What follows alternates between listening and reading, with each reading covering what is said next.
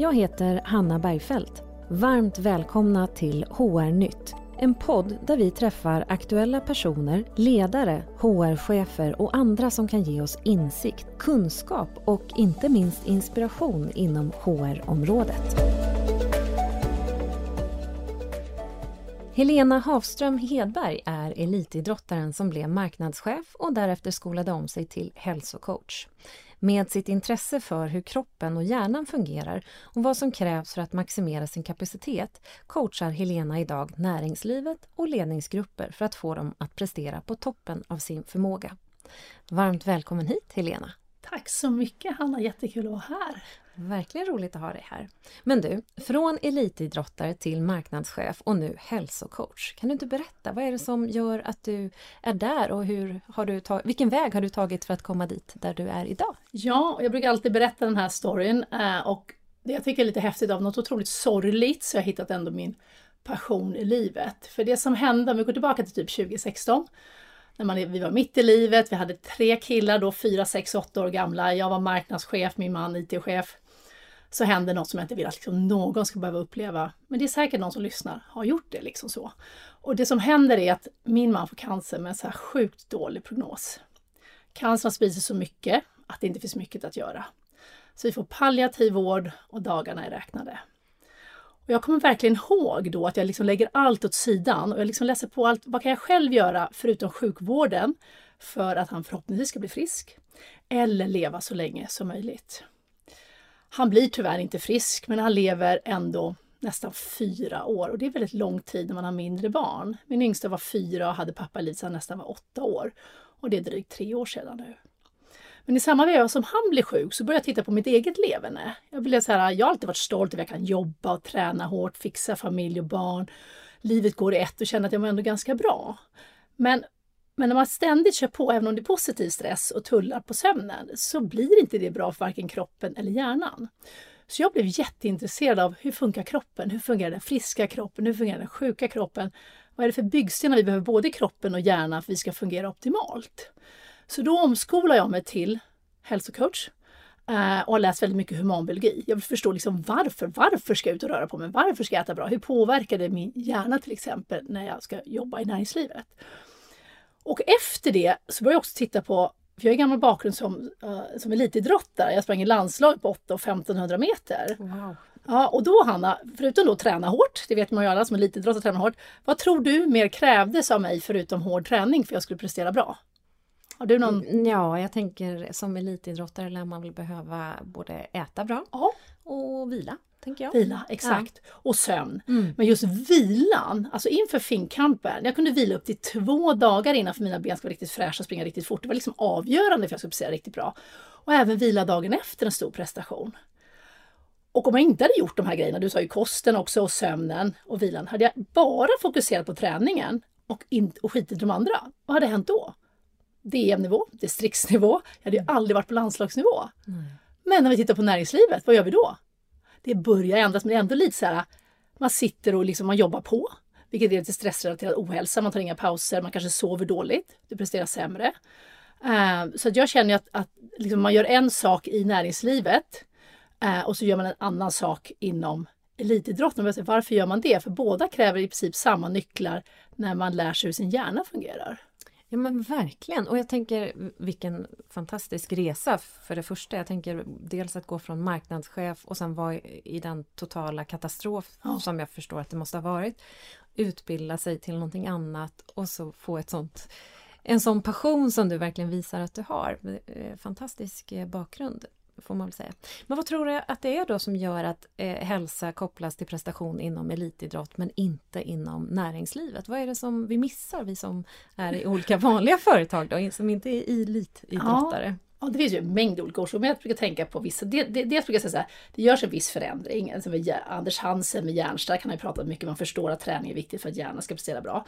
Men ändå så tycker jag att, liksom att dels är det fortfarande så att när man pratar hälsa så tänker man snygg kropp. Du vet, om någon kommer till mig privat, jag jobbar mest med näringslivet, då är det så här, Helena, snygg kropp, bit 2023, jag har tio veckor på mig. Det är, liksom, det är ingen som kommer och frågar så här, hur ska jag maximera min hjärna? Jag är ny på jobbet, jag behöver liksom prestera så bra som möjligt. Så det är det ena, att du kopplar liksom inte att hjärnan och kroppen, att de, alltså hur mycket hjärnan egentligen påverkas av hälsan som den faktiskt gör. Mycket mer än man tror, det tror jag är det ena. Och sen är det faktiskt så, fortfarande, även fast jag säger det ändras en del, vad är produktivitet i näringslivet?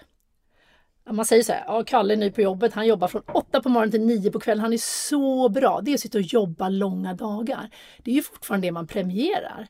Man säger inte så här, ja men Kalle han börjar 9, kommer hem, går 5 och så mediterar han däremellan. Det är liksom, han gör ett fantastiskt jobb. Eh, så man tittar ju ofta och tänker att att jobba långa dagar är produktivitet och att vila inte är produktivitet. Nej, det är sant. Och, nej, och då försöker jag koppla till och förklara hur fungerar vår hjärna? För då förstår man varför. Och då är det lättare kanske att ta beslut om att lägga in vila till exempel under arbetsdagar. Men hur fungerar vår hjärna då? Vad är det du berättar för dina klienter som, som vi alla kan få ta del av lite grann nu då kanske? Ja, dels brukar jag koppla till alla de olika nycklarna som finns, alltså kost, träning, sömn, vila och även relationer som är liksom hälsa. Men om man tar till exempel en ledningsgrupp, då måste det ju jätteviktigt för dem att fatta riktigt bra beslut. Och om de ständigt kör på, alltså det, även om det är positiv stress, och så kör de ständigt på, då får de inte tillgång till sitt högre tänkande, alltså prefrontala cortex, problemlösning till exempel, fatta bra beslut, logiska resonemang.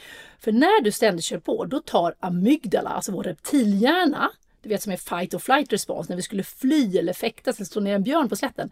Den tar resurser från ditt högre tänkande när du, när du är ständigt stressad. Så när du bäst behöver det här, du kanske har full fart, Hanna, du har full fart på jobbet, du behöver ta massa bra beslut, du ska göra en stor presentation. Då får du inte tillgång till din högre hjärnkapacitet. Och därför säger jag alltid så här, okej, okay, fokusera inte på stressen utan fokusera på att lägga in återhämtning under dagen precis som man gör under elitidrotten. Att du, du lägger in återhämtning för då kommer din hjärna tacka dig och du tar bättre beslut. Och det är att du kommer ner i ditt lugn och ro-system. Just det.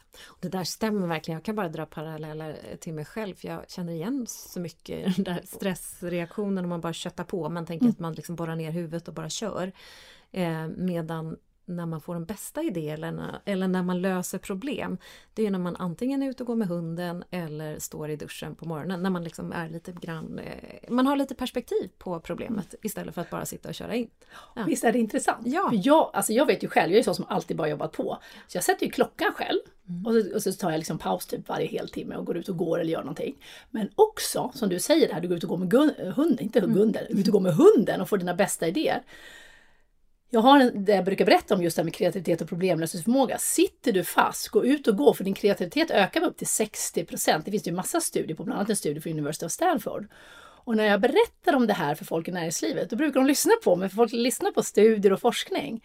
Och då hade jag en chef som anammade det här. Han satt fast faktiskt i ett jobbproblem, gick ner och tränade, kom tillbaka och löste problemet. Han kanske hade gjort det i alla fall, men suttit hela kvällen. Men han fick både in träningen, han löste problemet, kanske på ett mer kreativt sätt, och så blev han så bra förebild för sina medarbetare. Fantastiskt! Det är ett otroligt bra exempel. Men vad är det som gör att många företag har så svårt att få till det här? Eller liksom, vad är det som gör att man inte riktigt kommer dit? Jag tror, jag tror ju att många är ju ganska upplysta teoretiskt men det är svårt att konvertera det över till en verklighet. Varför, var, var sitter problemet någonstans? Jag tror, det finns ju en mängd olika saker varför. Ett så tror jag att man att man ser hälsa, ofta när man ser hälsa så ser man det som en one shot. Man gör liksom så här, det här gör vi i tio veckor nu. Och jag brukar säga att man måste se hälsa som ett kontinu kontinuerligt, någonting du jobbar med hela tiden. Och någonting som liksom man måste hitta att hälsan anpassas till näringslivet och inte tvärtom, att du tar hälsan till företaget. Om jag tar dig som exempel, om, du, om ni jobbar jättemycket så att säga och så säger de så här, nu måste du gå och träna på gymmet och du ska ta pauser och du, du blir helt stressad av det här och, och, och, du känner jag hinner inte gå till gymmet. Det kanske är bättre om jag kommer till ditt företag och hjälper dig med individuell coachning och säger så okej okay, Hanna, men liksom, du ska gå 30 minuter per dag, vi börjar där. Så delar vi upp det, 10 minuter på morgonen, du tar bilen till jobbet, vi går i 10 minuter, tar det första samtalet, efter lunchen går du 10 minuter och sen så går du liksom eh, 10 minuter på, eh, på eftermiddagen. Då har du fått in, ganska, du har fått in 30 minuter. Och sen pratar vi kring, kring återhämtning. Då. Det svåra med återhämtning tror jag är jämfört med elitidrotten. Jag är ju löpare.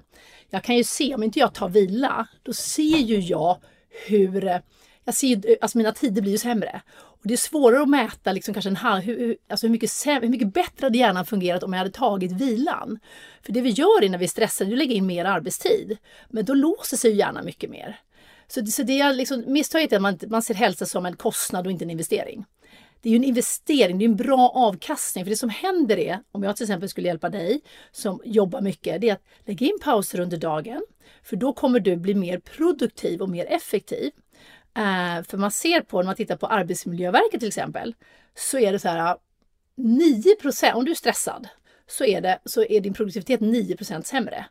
Och har du sömnbrist så är det 12% Så jag menar, börjar du plocka in, prata om sömn och vila och planera in det under arbetsdagen. Jag tror att nyckeln är att förstå ett, att hälsa är en helhet. Det är kost, träning, sömn, vila, relationer. Det är en helhet. Att man tar hälsan till företaget. Att jobba med, och att jobba med mikrovanor. Till exempel, om vi nu ska ta återhämtning, lägg fem minuters paus varje heltimme till exempel. Du har gjort jättemycket för din hälsa och för företaget och få medarbetarna att... Jag brukar säga att man ska jobba som intervallträning som med idrotten, även på jobbet. Du blir mycket mer effektiv. Och din hjärna tackar för du vilar ju 5-10 minuter varje heltimme. Wow! Och det låter ju så enkelt när du berättar. Jag tänker lite så här, varför, varför har jag bara inte gjort så? Vad, vad är de här vanliga misstagen som företag gör, de som du möter? Ja, väldigt ofta när jag möter företag så tycker jag ett så ser man vi pratade lite om det förut, man ser hälsa som en kostnad och inte som en investering som jag pratade om.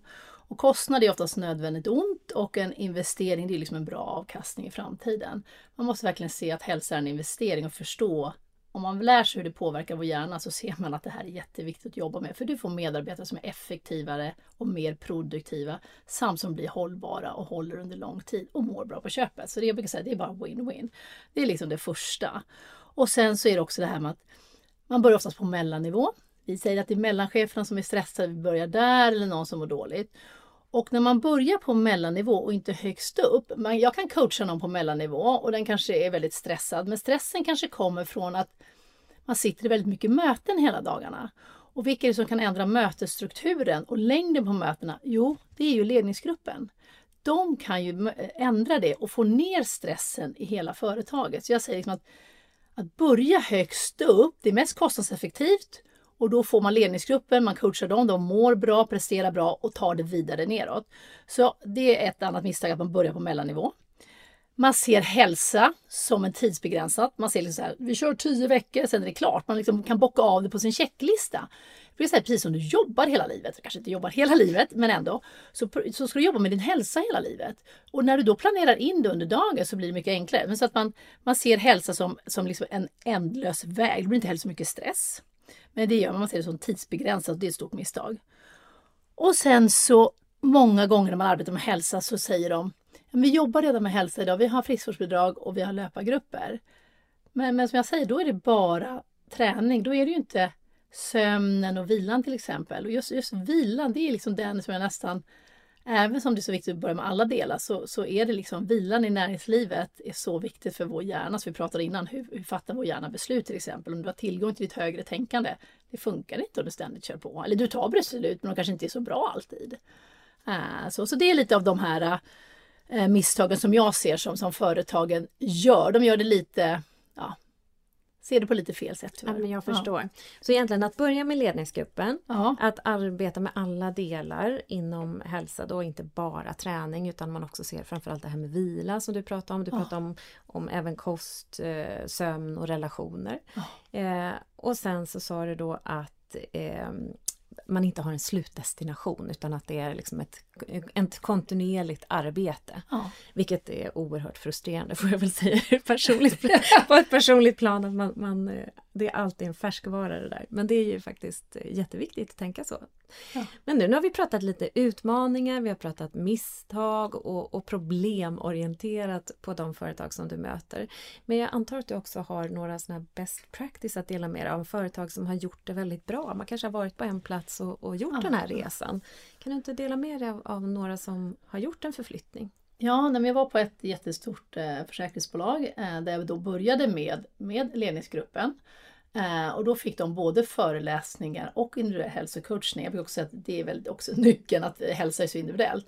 Och det gjorde vi under ganska lång tid, sex, det var sex till nio månader höll vi på, för att de har ju andra saker att göra också. Det ska inte bli någon stress utan jag ska komma in som en stressrelease och inte en stresstid och hälsan ska anpassas till deras arbetsliv. Så då jobbade jag igenom med ledningsgruppen och när de märkte att de mådde bättre och presterade bättre så ville de ta det vidare i organisationen. Det blir oftast det naturligt. Eh, för då får de ju nya verktyg och inser men det är såklart att jag ska coacha min medarbetare om han sitter och jobbar jättemycket och jag vet själv att jag går ut och rör på mig och presterar bättre. Då kommer jag ju säga till honom, men sitt inte här nu, gå ut och rör på dig. För det är oftast mycket sociala normer på företag. Du kanske kan träna på lunchen men det är inte okej att gå klockan tre.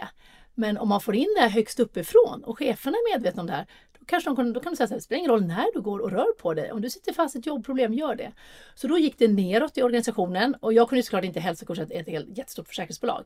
Men då gjorde vi så att vi gjorde en, liksom, jag gjorde samarbete med ett digitalt hälsoföretag där vi hade en samarbetsplattform där det då främst var rörelse. Sen höll jag en del digitala föreläsningar och sen så hade vi lite olika, där hade vi faktiskt också löpgrupp och sådana saker. Men vi hade då digitala föreläsningar som gällde alla där jag försökte ge bra nycklar inom alla områden. Och sen kunde ju cheferna, som de hade fått den här utbildningen av mig, då kunde de ju själva, de coachade sina medarbetare på ett helt annat sätt.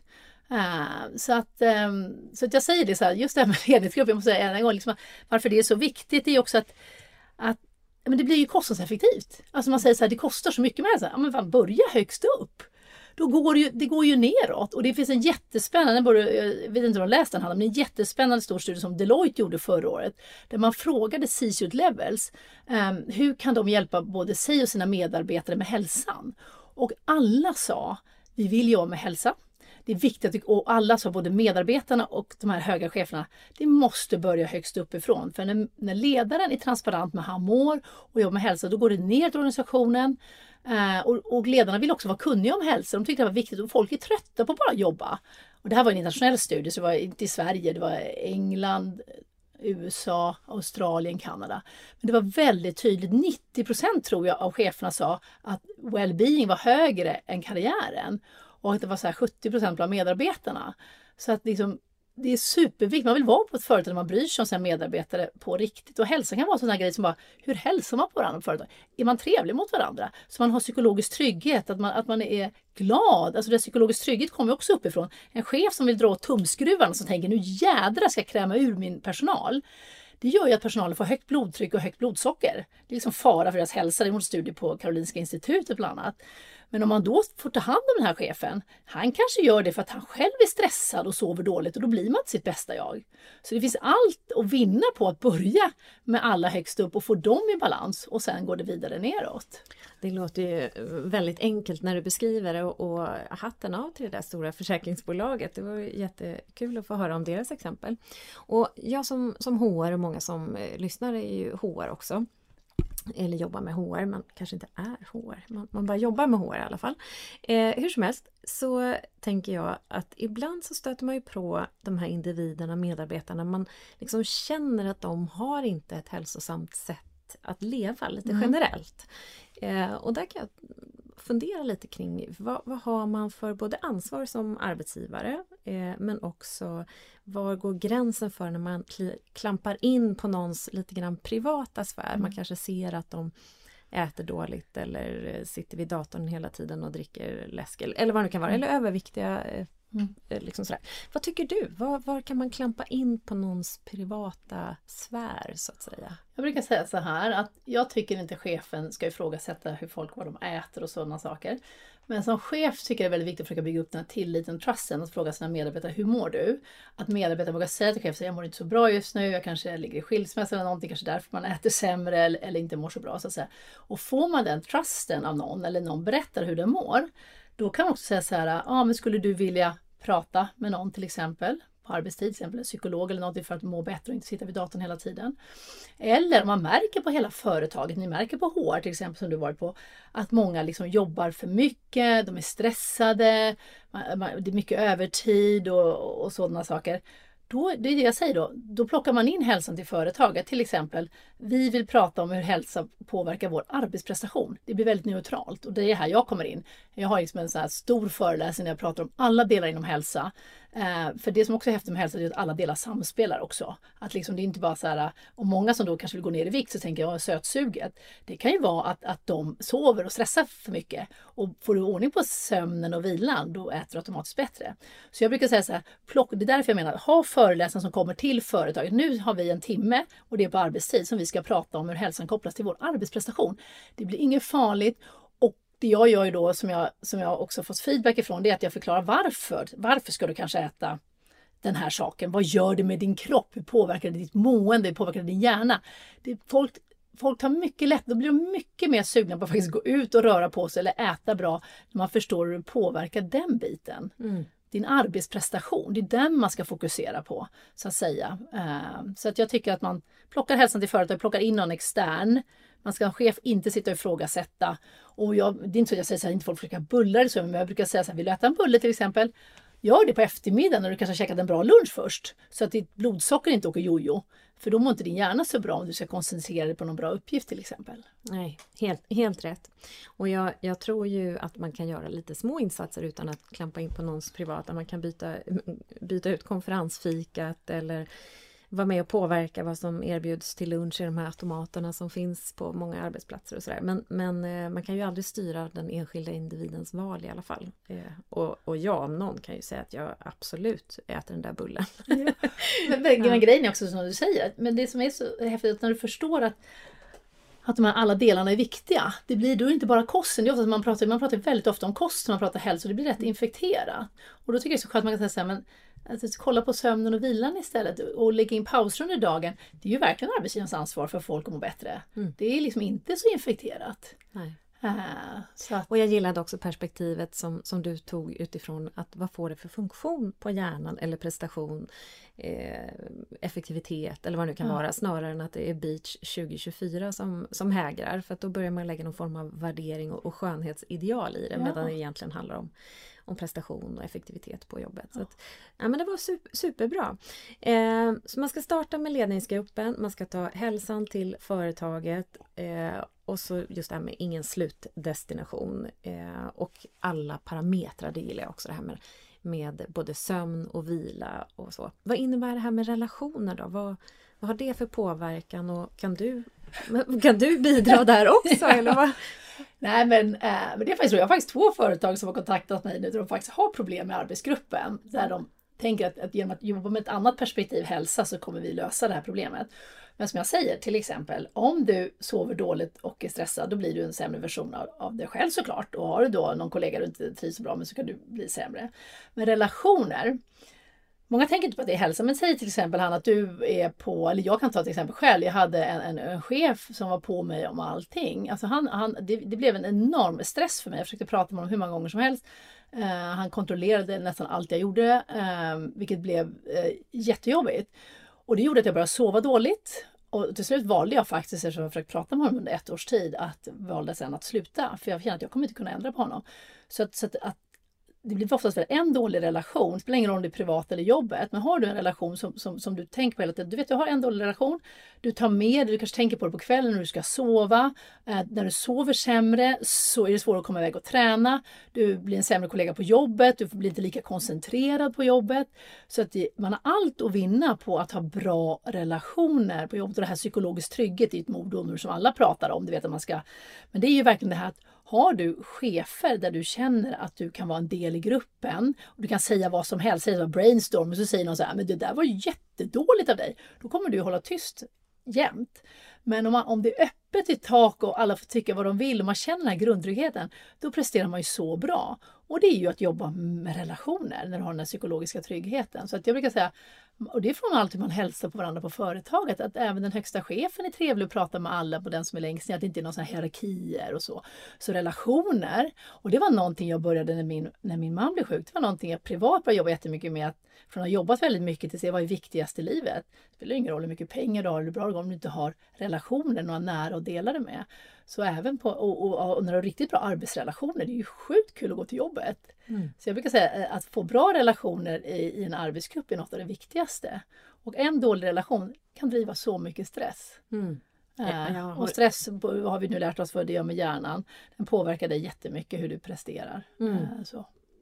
Jag håller med 100 procent. Det där med, med relationer är så viktigt. Eh, framförallt närmsta chef men, men kanske lika mycket, om jag nu får ändra mig lite, närmaste team, att ha roligt och få lite påfyllning med skratt och så under dagarna. Då klarar man ju nästan vilken utmaning som helst. Absolut. Så att, ja. Men är du lika bra på att leva som du lär eh, själv? Sådär? Eh, ja. Eller, eller, jag tänker ibland att det är lätt att säga hur andra ja. ska göra men, men berätta, är du, är du duktig på alla de här delarna själv? Ja, men grejen är ju i och med att jag själv Eh, ett har jag varit så som alltid jobbat jättemycket i näringslivet. Och sen läste jag på jättemycket och råkat ut för det, det mest hemska man kan göra, att förlora min man och barnens eh, pappa.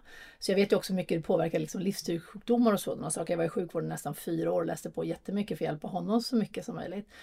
Så att jag, jag sätter ju klockan varje heltimme. Tänker intervallträning som löpningen.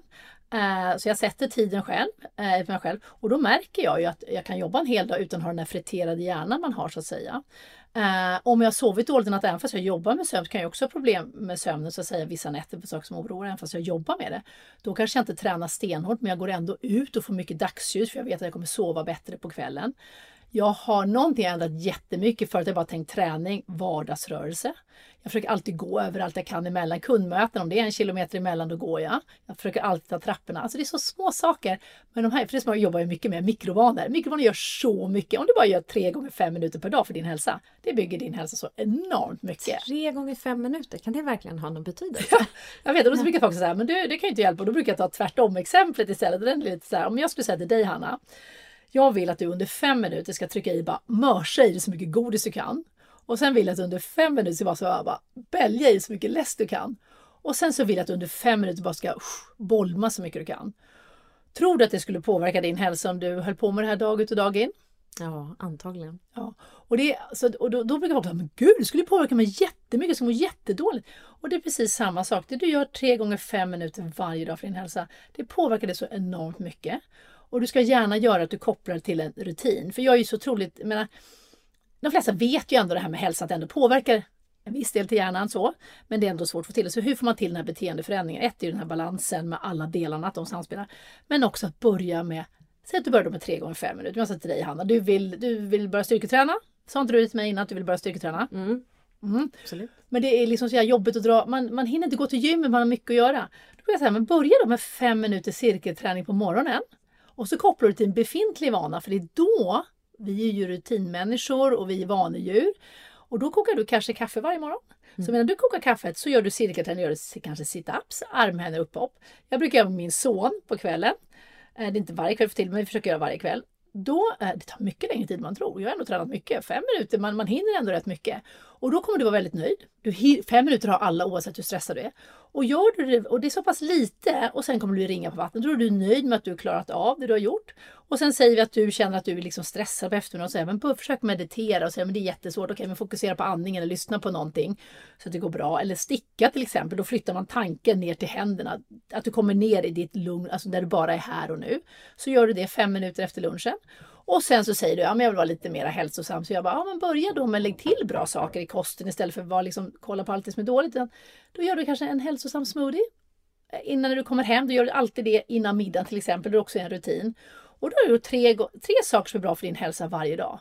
Och det blir en timme och 45 minuter på en vecka, så det är ganska mycket. Verkligen, och jag blir superinspirerad. Just styrketräning har jag ju fått till, men kanske att du skulle få mig att tycka att löpning skulle vara härligt igen. ja. ja, men det, det, ska jag verkligen försöka få till. Det är ju jättebra tips. Mikrovanor, tre gånger fem minuter per dag. Mm. Eh, super! Men det här med löpning faktiskt, ja, för det är ja. faktiskt många som vill börja springa och jag kan, mm. fast jag är gammal löpare, mm. Löpning är något av det jobbigaste du kan göra för du ja. måste göra allting själv. Cyklar du så rullar du, paddlar du så kan du liksom flyta framåt. Är du på löpan får du till och med hjälp för att bandet rör sig. Du måste göra allting själv. Så jag förstår att man tycker det är jobbigt. Och särskilt om man är i form. Men vill man gilla löpning, på så här, kör i tre månader. Eh, börja i lugn takt. Alltså kanske tre gånger i veckan där du börjar springa kanske, du börjar kanske gå åtta minuter och springer två. Och sen, så, och sen så springer du två minuter och går. Så du, du kör 30 minuter men du springer bara två minuter och så vilar du åtta. Och sen så när det går bra då springer du tre minuter och så gör du det tills du kan liksom köra 30 minuter i följd. Då, folk tycker så här, men gud det är ju jättebasic. Fast när man börjar så lugnt då blir det roligt och då kan man hålla i det. Mm. Och sen ska man inte heller tänka så mycket utan bara gå ut och göra det och så är man nöjd om man faktiskt bara kommit ut. Mm. Men just det här med att börja med väldigt små steg, gå ganska mycket och springa lite och sen när man känner att det känns okej att springa två minuter om man nu är helt ur form så springer man tre minuter nästa vecka och vilar sju och sen springer man fyra minuter och vilar sex till exempel. Och Det är lite som meditation. Jag tycker meditation är svårt och jag övar väldigt mycket på det hela tiden. Men likadant ska du springa ett maraton, du kan inte testa två gånger och sen ger du upp utan det kräver ju liksom ett, att man jobbar ett tag. Men utmaningen är att som vanligt med hälsa, man går all in, man går ut och kör järnet och så tänker man, åh gud vad jobbigt, vad dålig form är, så man är väldigt självkritisk. Istället då promenader, antar att du tycker skönt att ha en hund, eller hur? Ja. ja och säg att du ska bara du ska gå liksom av, av 30 minuter, ska du springa två minuter. Eller två eller, eller du ska gå åtta, springa två, gå åtta, springa två. Det känns ju inte så jobbigt. Nej. Och då kommer du känna, fan vad bra. Och sen fortsätter du och så Ja men det kanske, det kanske är det som ska hända för jag är ganska mycket av eller på får jag väl Mm. erkänna. Jag, jag skulle nog känna att nej men gud bara springa två minuter det är inte värt. det är, nej men 30 minuter får jag ändå ta och klara av. Men det kanske Mm. är det som gör att jag också tröttnar eller får ont någonstans eller vad det kan vara för någonting. Kanske jag ska köra på din variant. Mm. Jag utmanar mig själv här nu lite eh, öppet Ja. inför alla. Ja, men det tycker jag är jättebra. Det ska man verkligen göra. Men Ja. just det här att man ska vara man ska lära sig vara nöjd med det man gör. Mm. Alltså man är så självkritisk. Åh vad kass jag vilken dålig form jag är. Oj nu blir jag omsprungen av en gammal dam här eller någonting. Utan det här med att man bara kan se liksom att bra, jag kom ut och faktiskt njuta också. Om, och också om du går ut och springer utan prestation, då blir det återhämtning. Då är det vila. För ibland säger jag så här, lägg bort alla pulsklockor, lägg bort allting. Gå ut och njut istället. Mm. Eh, Och det finns ju ingen känsla som är så bra som efteråt. Man ångrar ju aldrig ett träningspass. Så är det ju bara. Ja, och där gäller att du hittar Mm. vad är det som får dig att gå ut och träna. För vissa är det faktiskt, jag har frågat min kompisar och läst olika saker, vad är det som får folk att hålla i träningen? Och för vissa är det faktiskt stunden efteråt. Mm. Att det är det som får en att hålla i. Mm. Eller vissa är kanske att köpa nya tränings, eh, någon, någon snygg eh, träningsplagg om, om typ två månader om jag håller i. Så det finns massa olika sätt. Ett bra sätt är att göra en buddy också, som Ja. man committar sig till att vi ska köra tillsammans. Ja men det, det är ju min absolut, det är mitt absolut starkaste tips. Eh, Jag har ju det, jag styrketränar med, med några och det är ju hela nyckeln för att det ska funka för mig. Så att det, det är verkligen jätteviktigt. Jag hade något annat som också funkade rätt bra. Det var att jag fick bara lyssna på vissa saker som jag tyckte var jätteroliga att lyssna på när jag sprang. Eh, Sen slutade det där och då, då tog det liksom slut. Men det som också kan ge dig inspiration, Ja. för det pratar jag väldigt ofta om, att du kan nästan bli immun mot stress när du är vältränad. Mm. För när du, ju mer vältränad du blir, då hanterar din kropp stressen bättre även om du stressas på jobbet. Alltså det är inte, det är inte stressen från träningen, för det är en form av stress när vi tränar, det är då vi är i vår fight or flight mode. Men ju mer vältränad du är, desto bättre hanterar du jobbstressen. Så det kanske gör att du nu vill hänga i, om du Ja. känner att du blir lätt stressad på jobbet. Ja. Och det är ju häftigt. Jättebra. Så bra. Det, det här stora försäkringsbolaget som Ja. du nämnde förut, vet du om de har gjort någon form av mätning så före och efter? Har de gjort någon, kan, man göra det mätbart överhuvudtaget? Vet du om det? Ja, där, vi gjorde faktiskt inte mätning där. Eh, men, men man kan absolut göra mätning. Jag är väldigt intresserad. Jag är faktiskt en bakgrund som marknadschef och då kunde man inte bara säga att den här reklamfilmen kändes bra utan man hade väldigt mycket mätmetoder.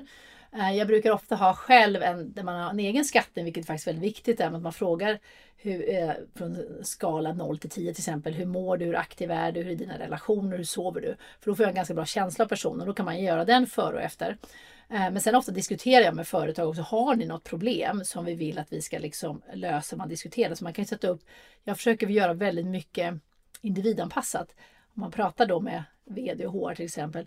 Är det några utmaningar som finns på företaget som vi ska försöka lösa? Är det några KPI vi borde sätta upp? Så det gör man ju oftast tillsammans, att man sätter upp KPI. Men jag tycker det är väldigt bra att få det mätbart. För hälsa blir ibland att man tycker att hälsa är lite fluffigt.